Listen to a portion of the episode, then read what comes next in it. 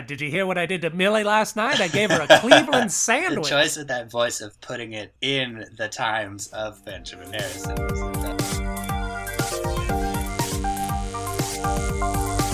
Well, I'm not a crook.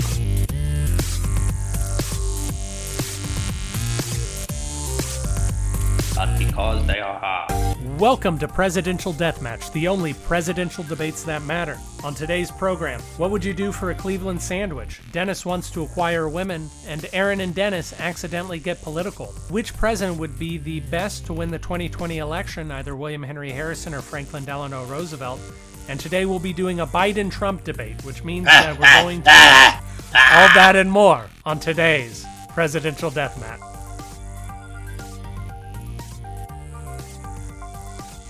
I am stumped. Kicking this pod back off is Bah, transformational. bah, bah.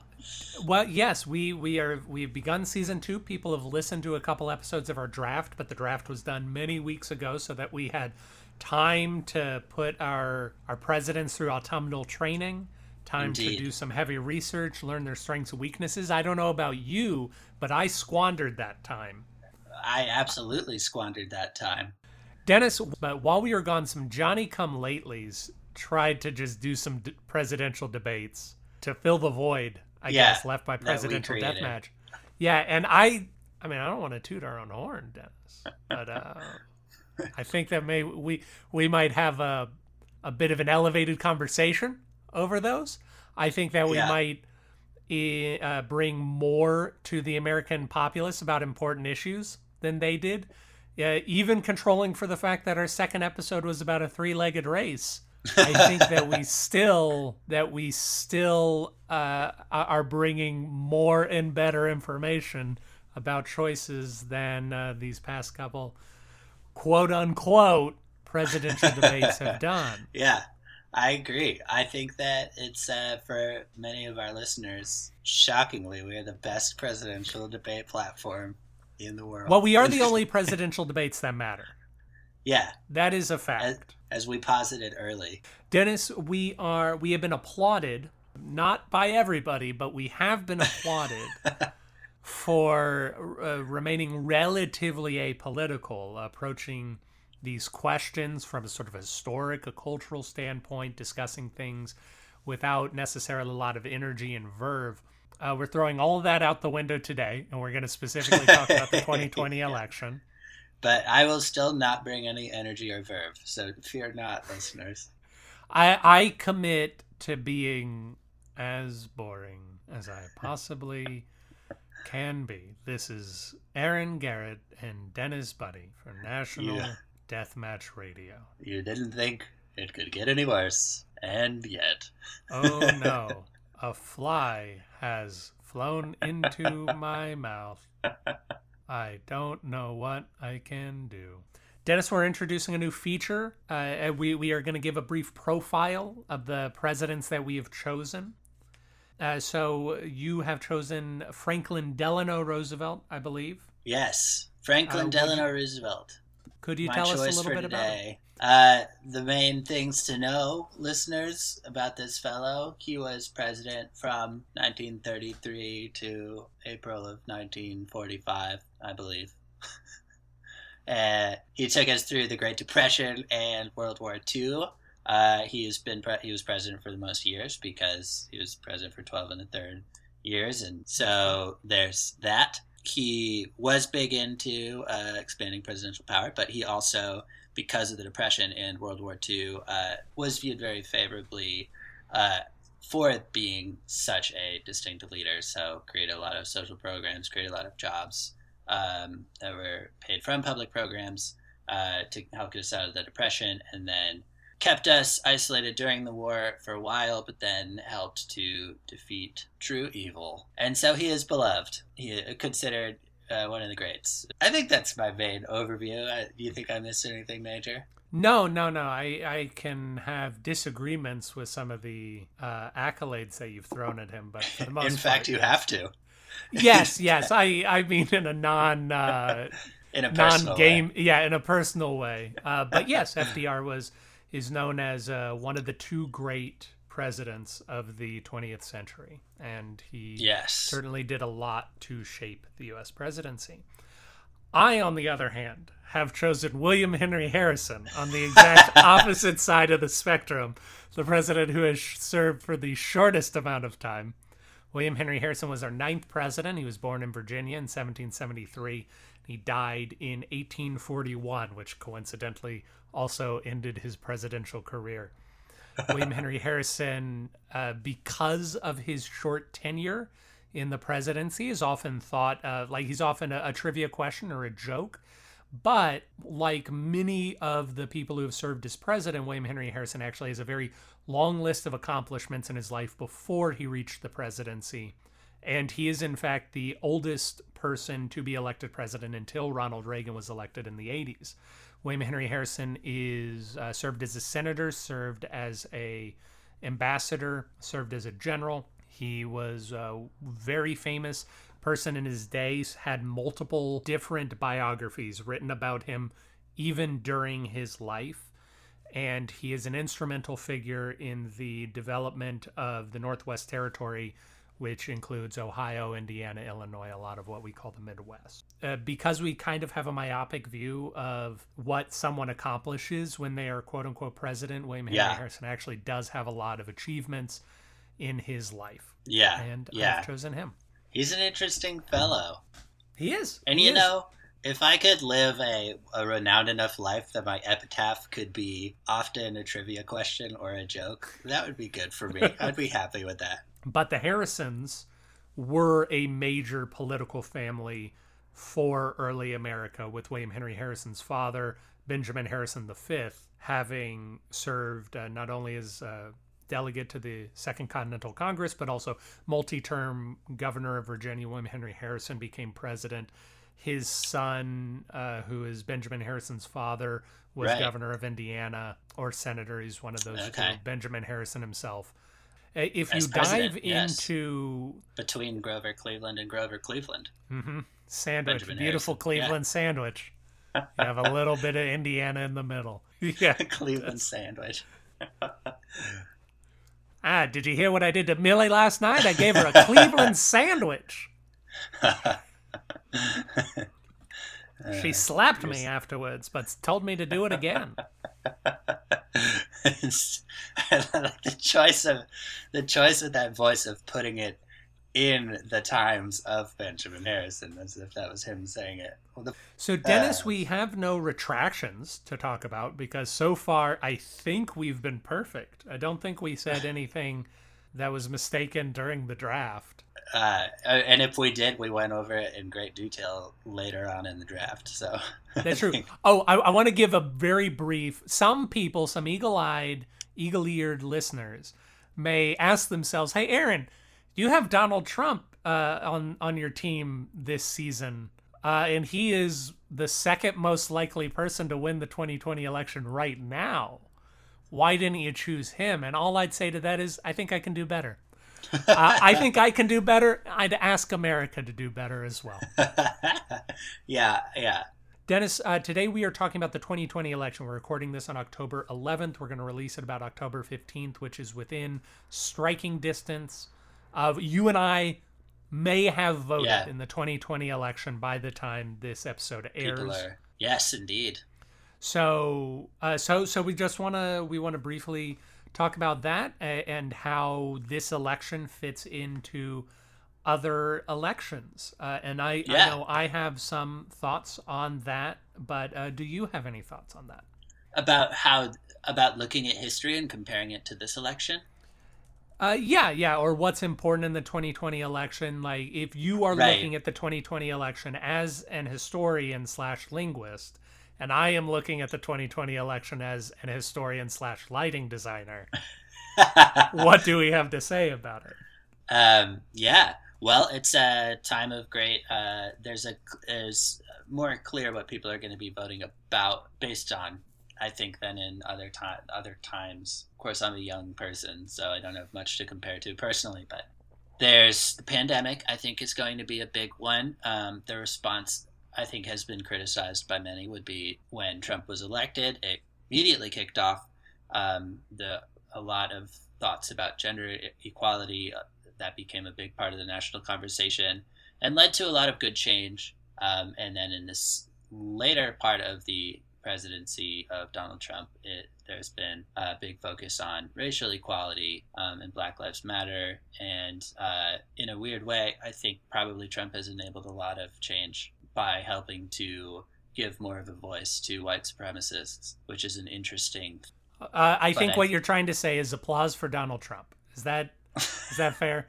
Thank you, Donald Trump, for giving us a path forward, uh, shining a light on these issues.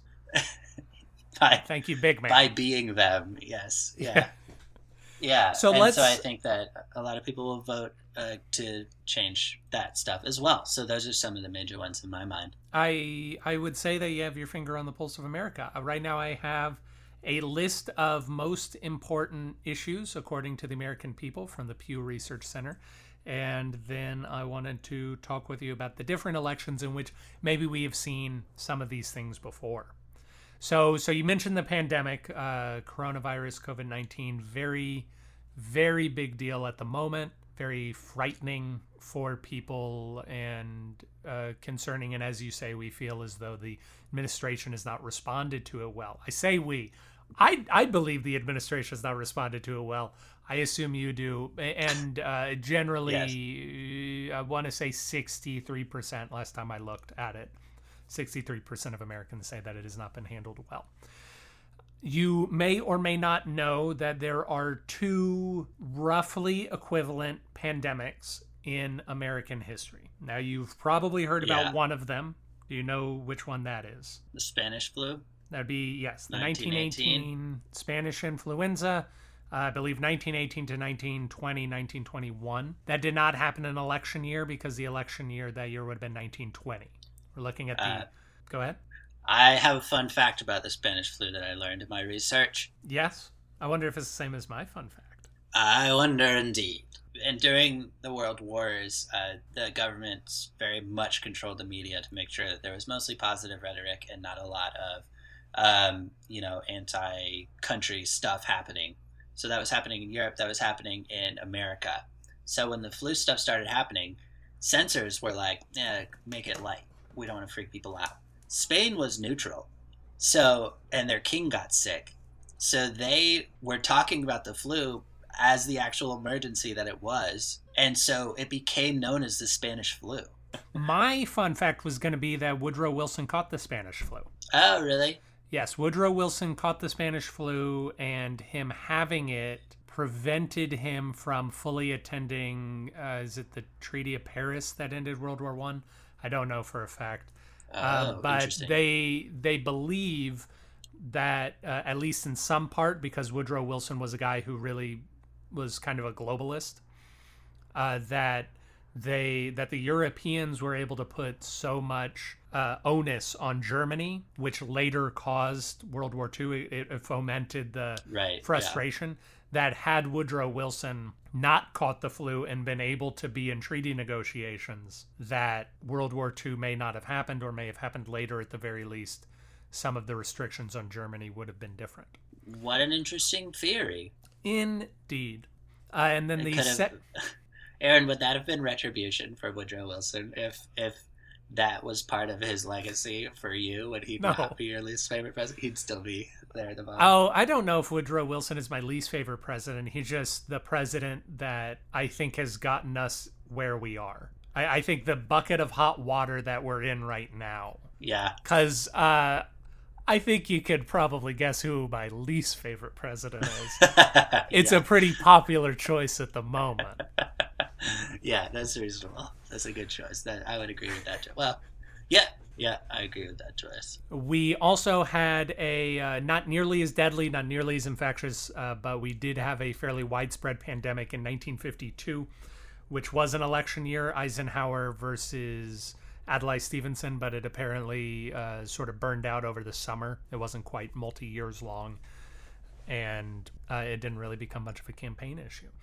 Now, uh, you you also mentioned the economy. The economy is the top concern for Americans in this election year, and uh, I I want to say that the economy is in a very weird place, uh, because we had our biggest drop during the summer and then our biggest rise ever. It's it, it's like the the economy dropped in the summer, but then it popped right back up.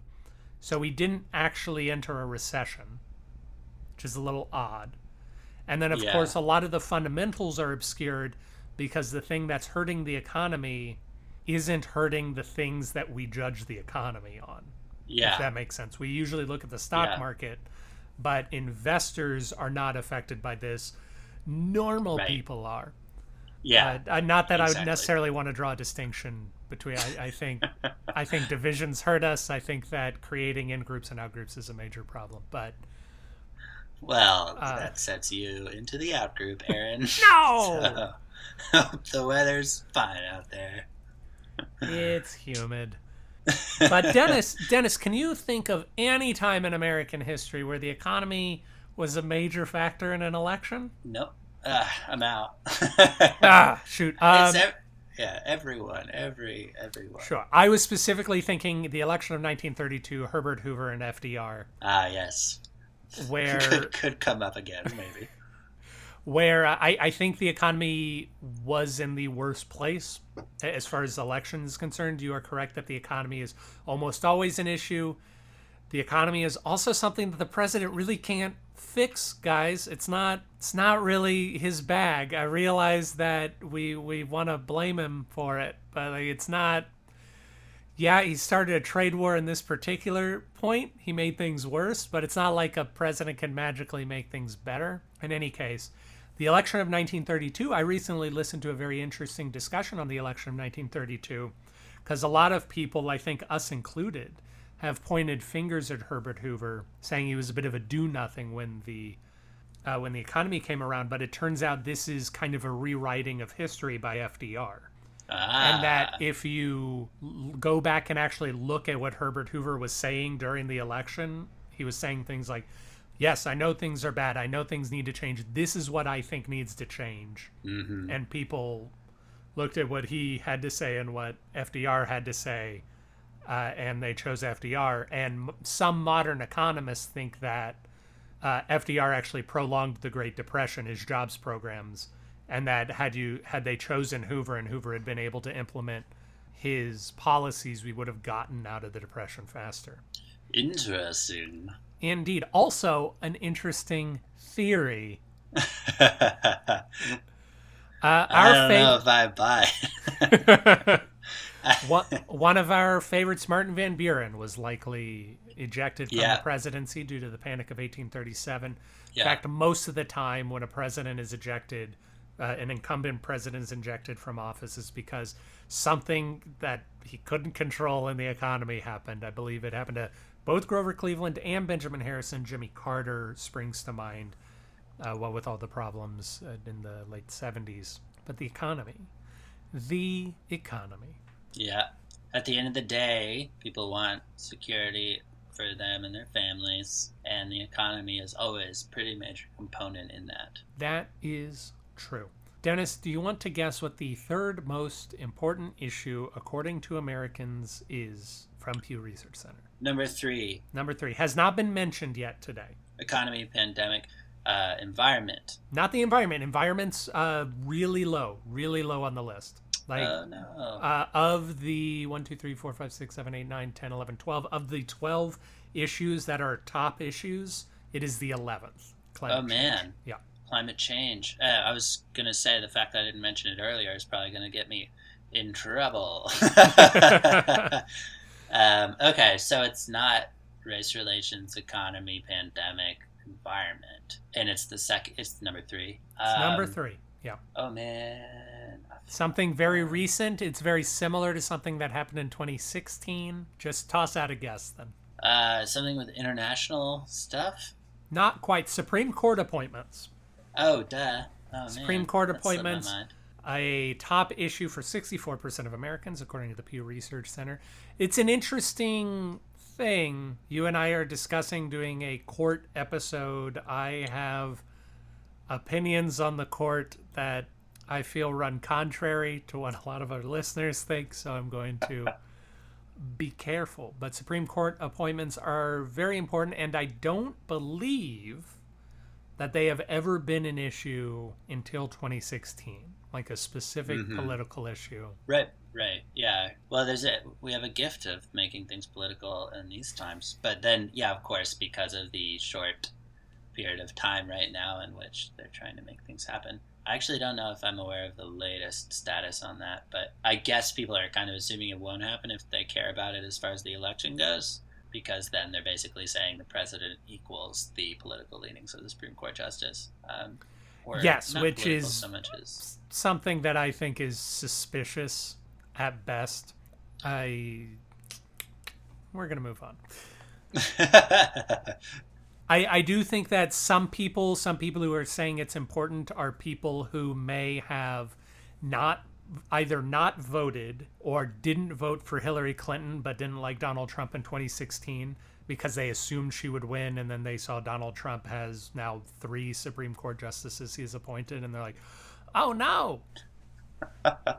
I see. So just right. So just looking out for the next four years. Yeah. Now, as well. now the interesting thing is it says Supreme Court appointments, which of course is in the news right now, but it doesn't just say court appointments, which Trump has appointed tons of judges that are thoroughly unqualified to be judges. I don't know if you've paid attention to any of that over the last four years, but it is frustrating. It's very frustrating to see to see some of the people who are getting put on the bench for life and who have never tried a case. wow.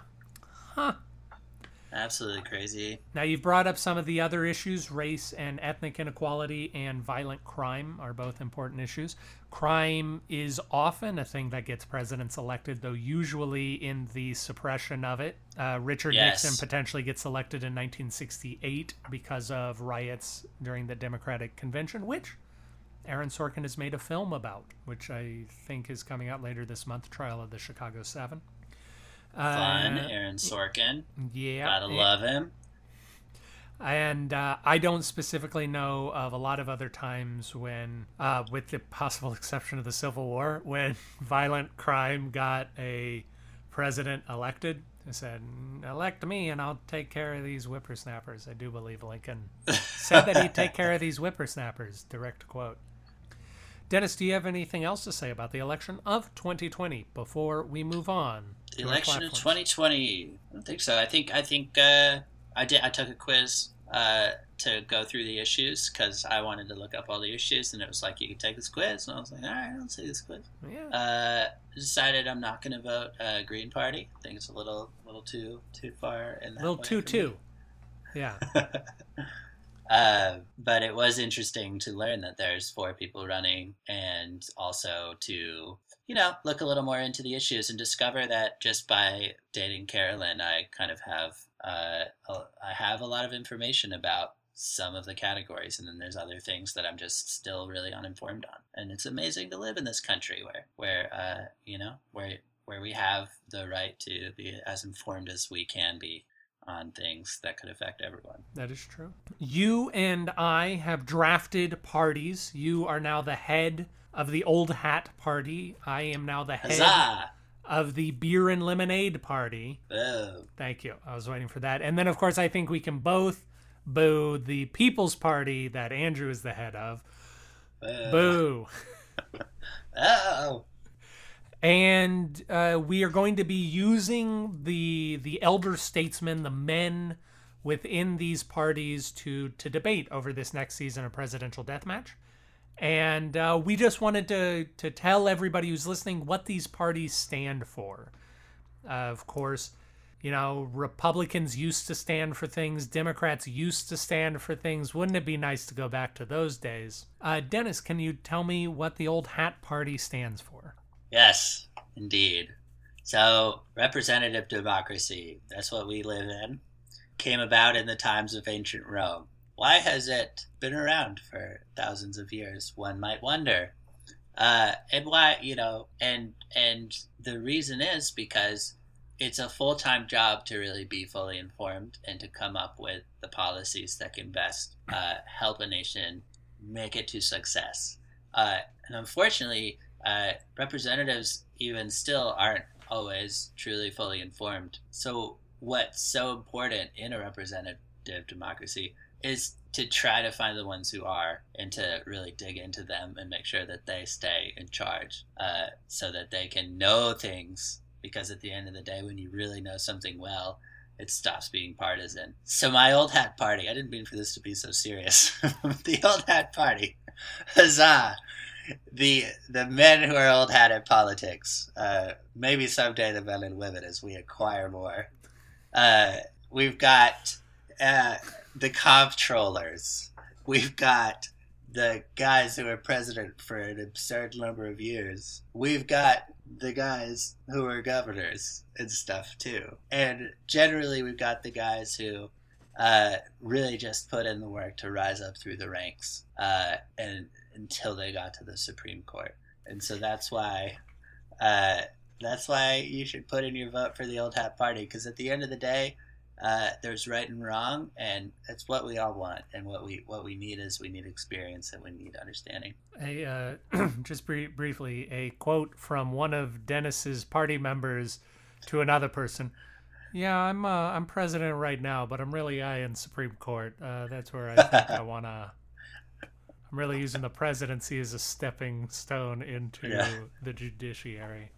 Dennis, That's it sounds as though you are arguing for uh, you, you are certainly you are explicitly arguing for career politicians for maybe not necessarily a bureaucracy but some people may uh, lob oligarchy at you because you began by extolling the virtues of a representative democracy but then you seemed to pivot into saying and the best way uh, to have a representative democracy is to elect the same people over and over and over again. So I just, where is the balance and the difficulty uh, for the old hat party in staying relevant and, and listening to the people and not being uh, becoming frankly paternalistic because you you were saying that uh, there's right and there's wrong and we know what's right that sounds very much like go eat your vegetables to me Ah, yes. Well, at the end of the day, these are still people who uh, know that their voice needs to align with the with the majority of the population, and because they need to be reelected, uh, and they're people who know how to do that well. At the end of the day, being a good politician who could stay in politics for a long time means having a direct line to your citizenry. So I think that that goes hand in hand with being experienced, because being well informed is being on the ground it's it's understanding. Uh, it's and that's what I mean by it's not it's understanding every perspective, but it's it's even more than that. I think it's understanding the perspective of the people who know the most about something. So it's it's really like knowing how to be the leader of people who themselves have the ability to run the nation. Uh, which is what we call a technocracy. Yeah.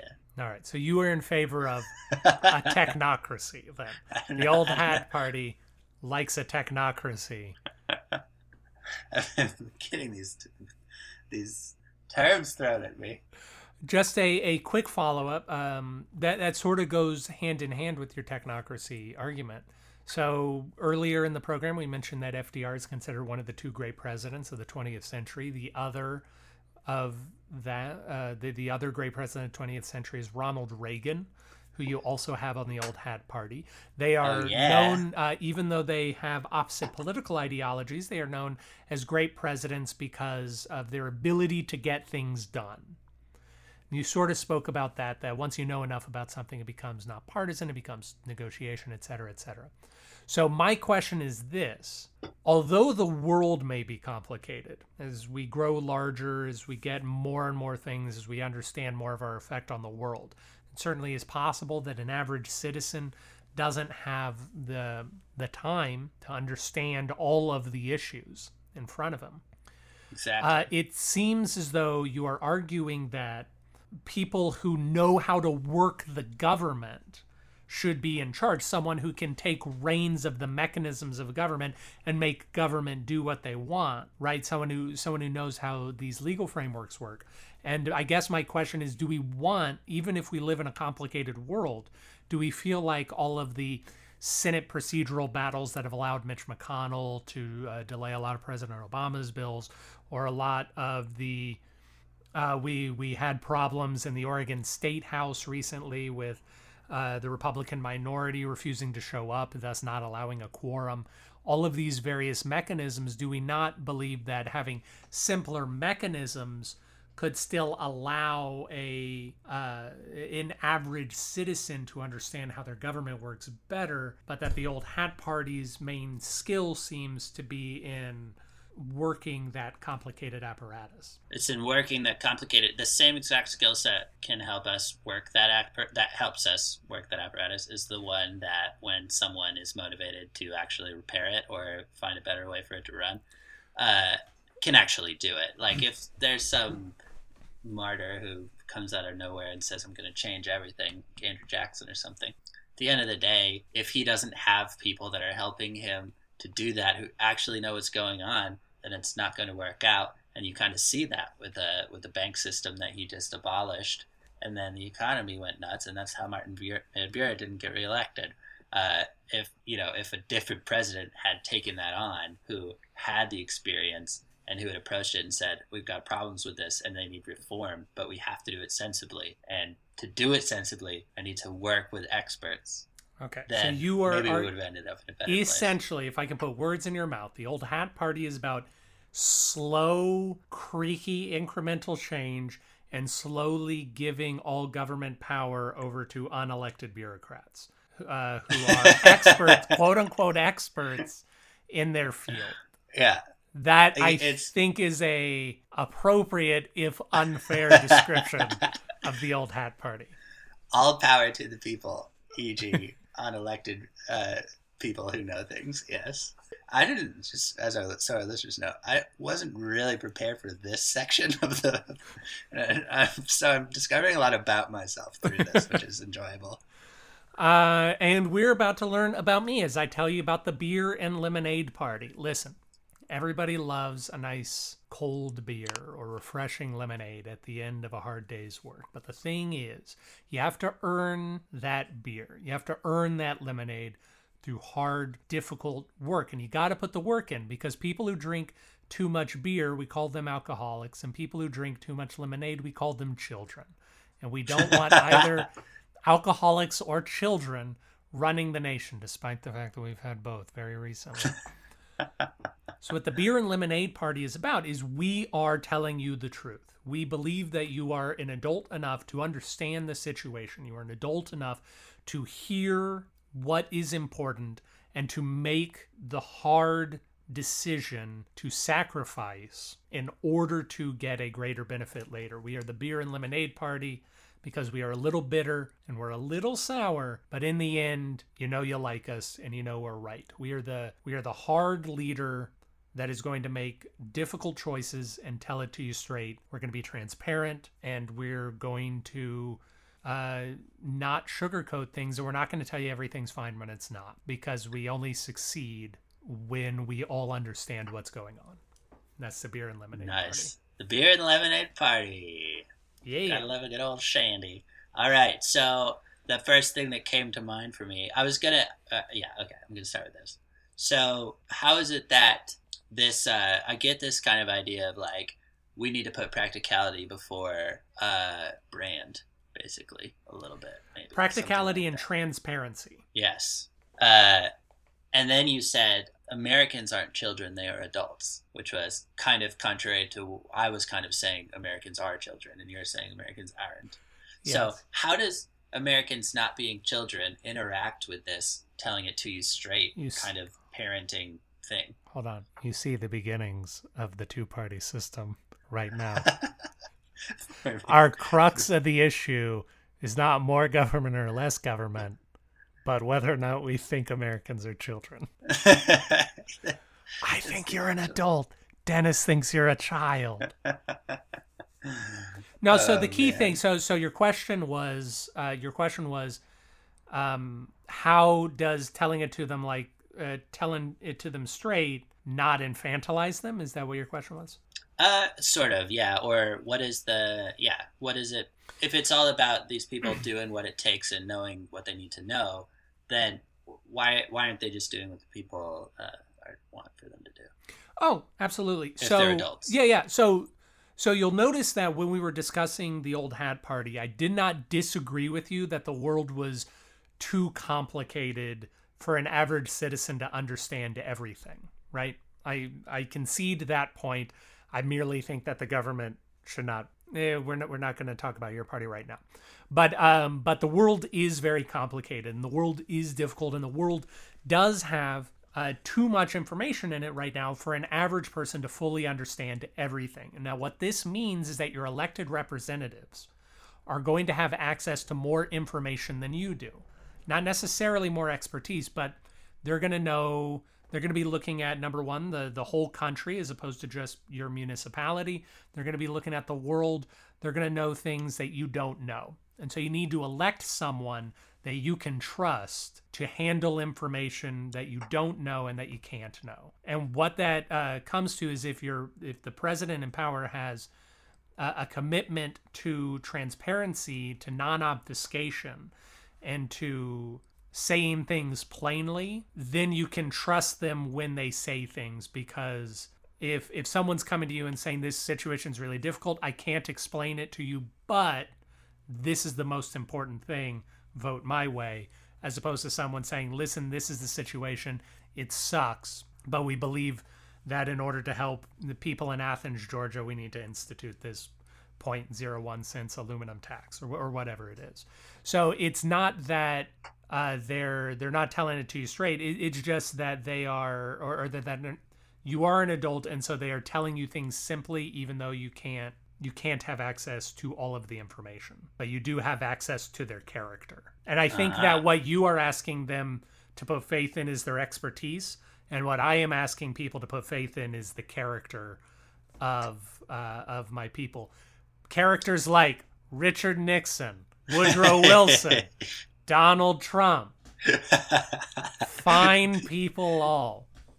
Okay, so it kind of took a twist because at first I thought you were kind of saying that these are people who are all about just having whatever message they have, but actually, it's it's really or it kind of is about that, but it's about them kind of saying communicating the way that they will make decisions so that you can just kind of trust that you are looking at the person that you want to be looking at and then assume that the decisions that come from that will be the ones that you agree with kind of. That is correct.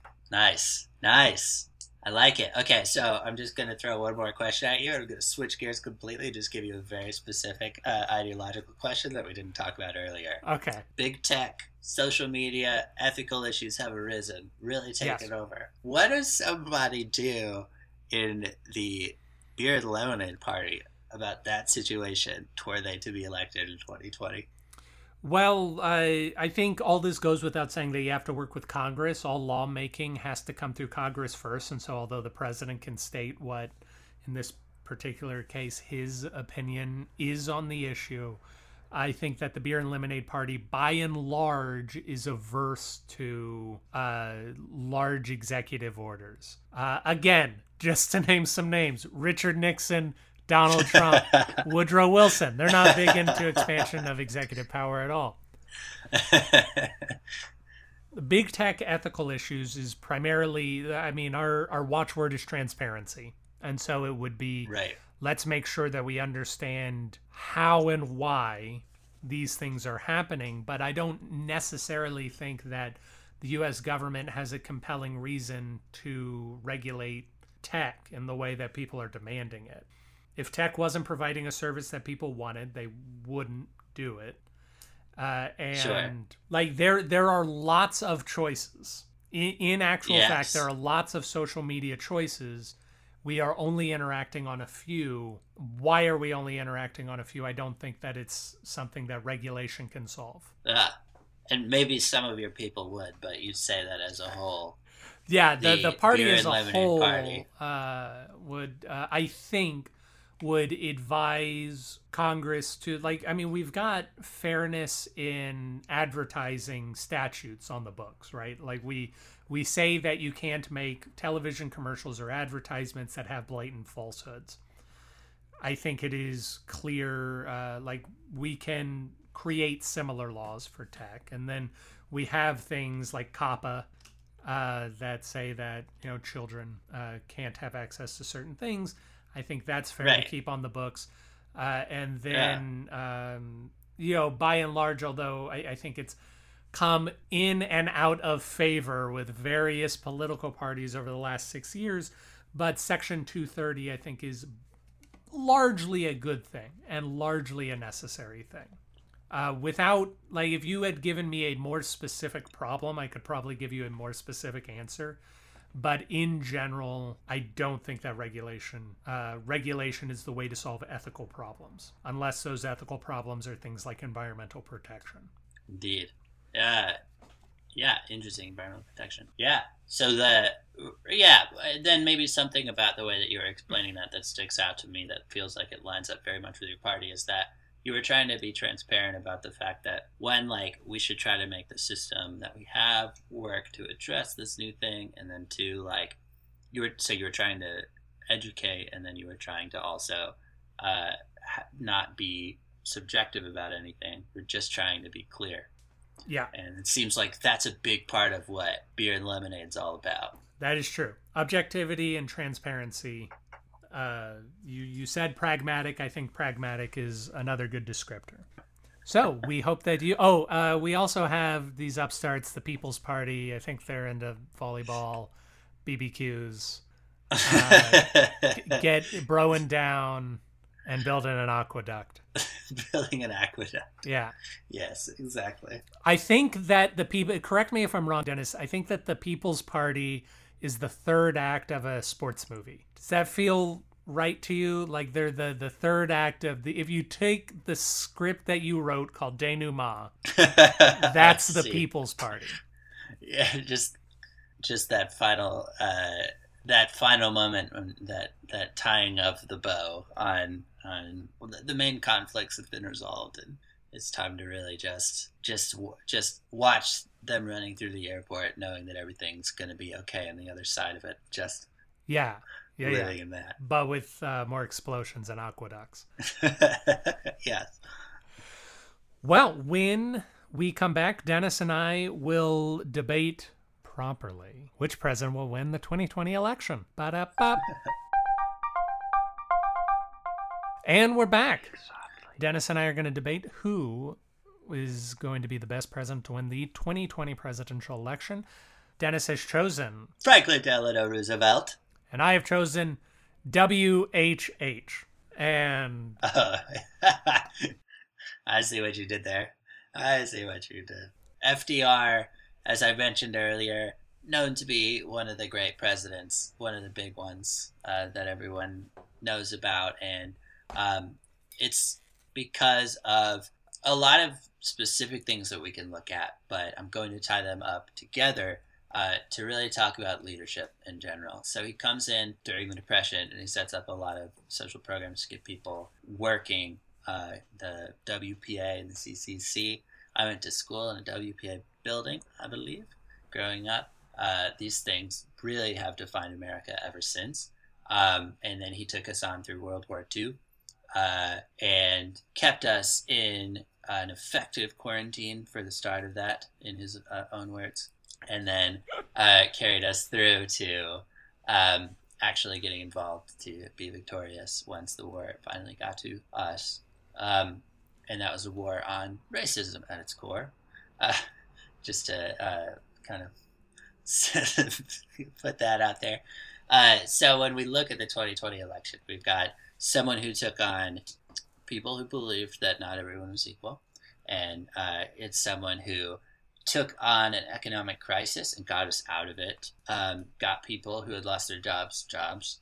Um, and then it's someone who uh, whose wife's uncle, Teddy Roosevelt, who while he was president walked her down the aisle at his own wedding, uh, was a huge environmental uh, person, and FDR followed very much in his footsteps, um, setting up so many of those uh, public jobs for planting of trees, uh, for saving parks, for keeping erosion at bay. Um, and this was in a day when it wasn't the biggest conversation um, that should be happening. So, all of these reasons, we look at what he did then and we apply it to now. It's like a copy paste. And that's why I chose FDR for today. Thank you, Dennis. I want to begin by giving uh, an special thank you, a big thank you for putting the correct emphasis on erosion that I feel like erosion needs these days. You've done an excellent job of pointing out why during FDR's presidency he has tackled, some would say successfully, some would say uh, unsuccessfully if you actually look at the numbers, a number of issues that are important or seemingly important to Americans today. My question is one of the big stories that came out of 2016 was people who voted for Obama in 2012 and Trump in 2016 uh, to allow states like Pennsylvania, Michigan, what they call the Rust Belt, to flip. And a lot of what Democrats have been doing uh, with uh, Pennsylvania Democrats such as Conor Lamb, et cetera, and especially Joe Biden, the reason Joe Biden was chosen is because they felt Joe Biden could really appeal to those blue collar workers. So, regardless of whether or not FDR could actually deliver benefits, because because you see uh, arguments pop up online every so often about people saying that they don't like Obamacare, and then someone will say, "But your health care is through Obamacare," and they'll say, "No, my health care is through the Affordable Care Act," and they say, "Well, it's the same thing." So, regardless of whether FDR can actually provide for these people and and help alleviate the issues, do you think that the blue collar workers uh, who a lot of people think are the key demographic in this upcoming election, will accept a uh, a New York coastal uh, elite, someone whose name and very image is sort of synonymous with the snobbery they detest. I think they will. I mean, I guess when we look at polls for this upcoming election, I it's you know, I guess we don't know. The election hasn't happened yet, but I'm optimistic that we actually will see that happen in this upcoming one. Although I guess both of the candidates are coastal elites, white men, and all the other things. Well, so but, so um, I might it, may I interrupt? Sorry. Yeah. So what I guess what I want to say is uh, Joe Biden isn't necessarily a coastal elite. Certainly doesn't uh, appear to be one. So what I'm saying is Joe Biden, I think, yes, is winning these people back. Would FDR win these people back? Because FDR is a very different image see. than Joe Biden. So there's a you're saying that's a key difference. Yes, yeah, that is saying. the difference between uh, Roosevelt. Okay, yeah, I think look looking at the two of them, I wasn't there at the time of FDR. I, definitely, he was uh, Roosevelt. That whole thing, but when you consider the actual like climate, the public conversation of today, I don't know how far off Biden really is from that image because he's the old white man politician and like so much of uh like at least the millennial conversation like that is the equivalent of oh you know like old politician like guy who probably you know was like uh, it wasn't easy for him to do that. He's been he's a very impressive person. Um but like i think that that's one of those things where people say oh he's the boring norm and still he's getting the support of everyone right now and i think it would be the same thing then but more importantly i think is uh, the fdr like I I guess I didn't even I didn't get to this enough in my opening argument. I said leadership and then never came back to it. But I think that that piece of it, getting everyone riled up around uh, his his image, his voice, everything, uh, is his greatest gift. Um, creating positive uh, positivity around him and creating a reason to feel like he's the flag that you want to fly. Um, and that's by taking advantage. If he was around right now, he would be using Twitter posting videos where he was well spoken, and that's the kind of thing that would actually combat, I think, the the uh, extraordinary ability of Trump to do that with his people. Um, so I think that he would actually do probably better at that, even um, because he was obsessive about communicating with people and did that through the fireside chats. Um, with radio being peak technology at the time. Yeah, I'm not sure if he he is a former president in this particular world. We we have very poorly defined rules for these particular questions.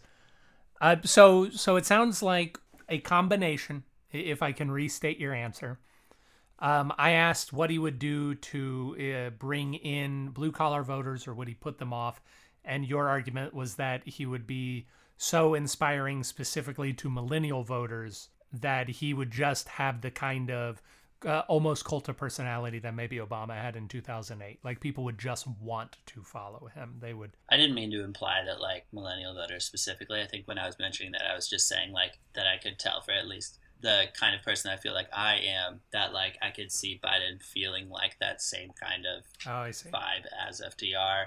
in terms of today versus then. Uh, but that like like but that um, at the same time, I feel like people in my climate are very much down for the whole Biden thing. So we're going to vote for him at least. So like the skeptics, right? you, the, but you are not a blue collar rust belt worker. worker. Yeah, uh, indeed.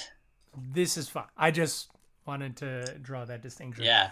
I, it's an open question. An idea that FDR first proposed is very much in vogue right now. It was big during the Democratic primaries. It has recently become very important over the last 45 days, and that is FDR was a big proponent of court packing, which is to say, adding more Supreme Court justices to the Supreme Court to theoretically allow for his agenda to be declared legal. Do you think that this uh, opinion uh, will hurt would hurt him. Like this is a well done.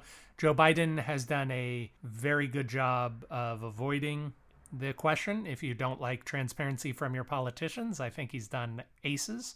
And although no one has asked, although no one has asked Donald Trump about it, uh, one would imagine Donald Trump is for it if he gets to nominate them, and against it in all other instances. Uh, but yeah, yeah. Uh, I but how how do you think that opinion affects FDR's chances? Well, I think that the even just the way you phrased the question, kind of pointing to the fact that uh, to some the lack of transparency might even be worse than having either opinion. Um, and I think that there's some fairness to that. I think that it's I I, I don't know, but I think that um, there's an extent to which if he had a clear message about that and wanted that to be uh, some, it was something he he valued and then was just like yeah this is what i think then he'd lose you know 1% of whoever and then kind of move on. Um, on the other hand as we has come up many times in this podcast a lot of times these opinions don't turn up until the person who's president finds himself in the situation that they're like well now i want it so I could definitely see him also being staunchly anti, and then later on being like, "I've changed my mind, and here are my reasons," and then everyone would be like, "Yeah, that's fair." You know, he talks circles around me, so I agree now. oh boy. Well, thank you very much, Dennis. Dennis has done an excellent job pointing out why FDR is a great man to tackle these specific problems that America is facing right now.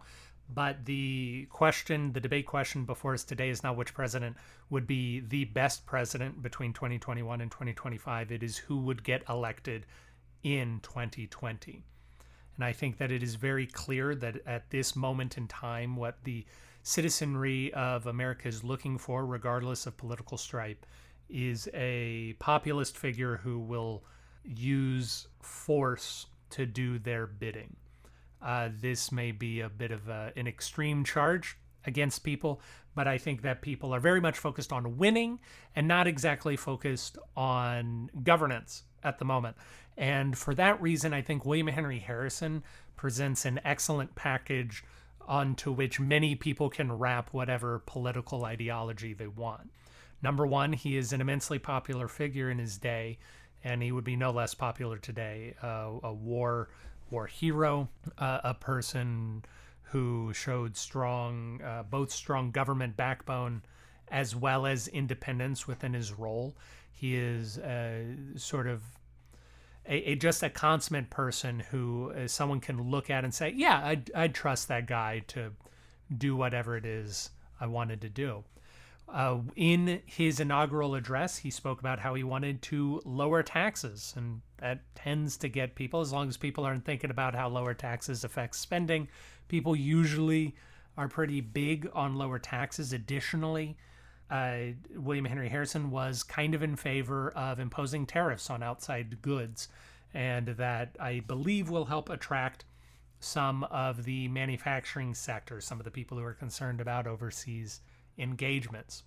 By and large, William Henry Harrison has enough personality to attract those who are looking for a king like messiah figure in their president, uh, along with enough, uh, let's say, classical liberalism within him to attract the old school governance people, uh, your more libertarian esque people. And then he combines all of that with a solid understanding of government and an adherence to the law and to moderate principles, which I think would attract uh, many uh, moderate Democrats uh, that that would face him, and then even some of his more extreme monetary policies could be very appealing to progressives nowadays. So, if we are not thinking about who would be best to elect, and we are instead thinking about who we would choose to elect, then I think that the politicians who have been gaining popularity, prominence, and power over the last year years, points to William Henry Harrison taking the top spot.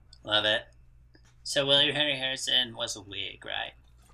Yes. So what would he run as in 2020? Uh, well, it depends on who he's running again. If we are in this situation that we're in right now, theoretically, Right. he runs as a Democrat Right, because he'd he have to run as sees where uh, where the Republican Party is. Uh, if Yeah. he is, if we kind of reset the clock a little bit and we assume that maybe the events of the last couple years didn't happen, but the same attitudes. So we're not talking about Donald Trump being in power.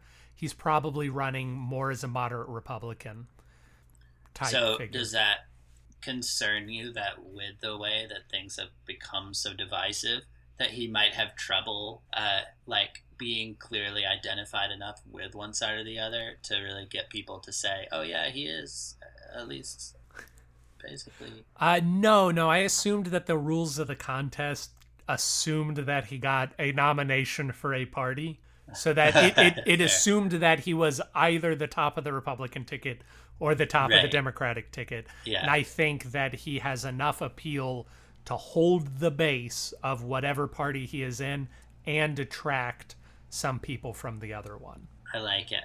If he was in, when I think of, you know, for instance, FDR in a debate with, you know, Trump or something like that, I can see him holding his own because he's like just a like he's such a leaderly dude. Yes. He's just very like, very much you know, wartime kind of guy and everything that he would manage to do it.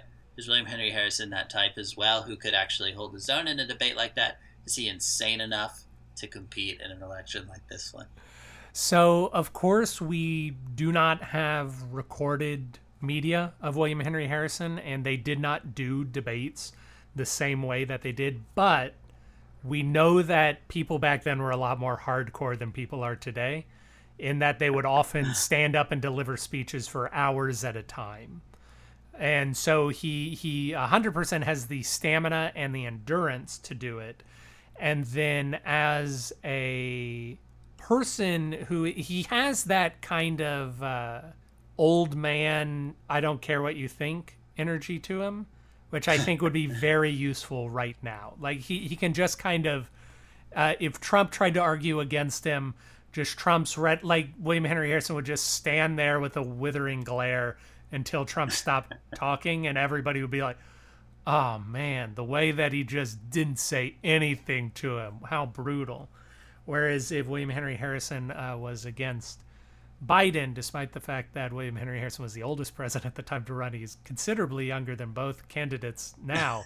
uh, William Henry Harrison would have the play, uh, he could beat Biden at being plain spoken, which I think is one of Joe Biden's greatest strengths. So if we're talking about the two people who are running in this election, then yes. being plain spoken. I like it. That's well put. Um, and that's kind of what you mean when you say as a trustworthy brand as well, I suppose. Yes. Um, and but as being someone who's plain spoken, who has experience in politics, you had also said that he's someone that people could kind of uh, paste whatever political ideology they wanted onto him.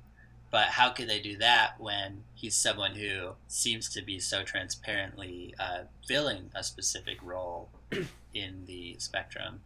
It's because his uh, he he's not ideological. He is a person who uh, issues come up and he deals with issues. He is not a person like Bernie Sanders, for whom everything is always going to come back to class consciousness. And Bernie Sanders is going to say the root of all problems in America is class. We need to uproot the class system, shake that up. William Henry Harrison is going to say, okay, what is this problem? How can I fix it? Awesome. What is this problem? How can I fix it? He's very singular in that way. Whereas someone like uh, Donald Trump is very him focused, inwardly focused, also non ideological. William Henry Harrison is non ideological in a sense that's problem solving.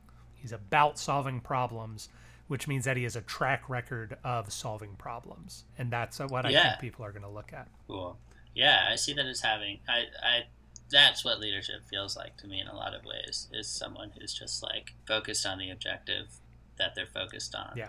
And helping everyone else to focus on it too. It's Until it very is mayoral overcome. in a Mhm. sense. Yes, yes. And he's known for William Henry Harrison, like you were saying earlier, like he gets overlooked because if you were even only just counting FDR's three month fourth term as president, still longer than William Henry Harrison's entire presidency. That is true. Um, but as far as uh, campaigning goes, he was uh, he was uh, one of the he really did the whole thing pretty hard, didn't he? He did. He did.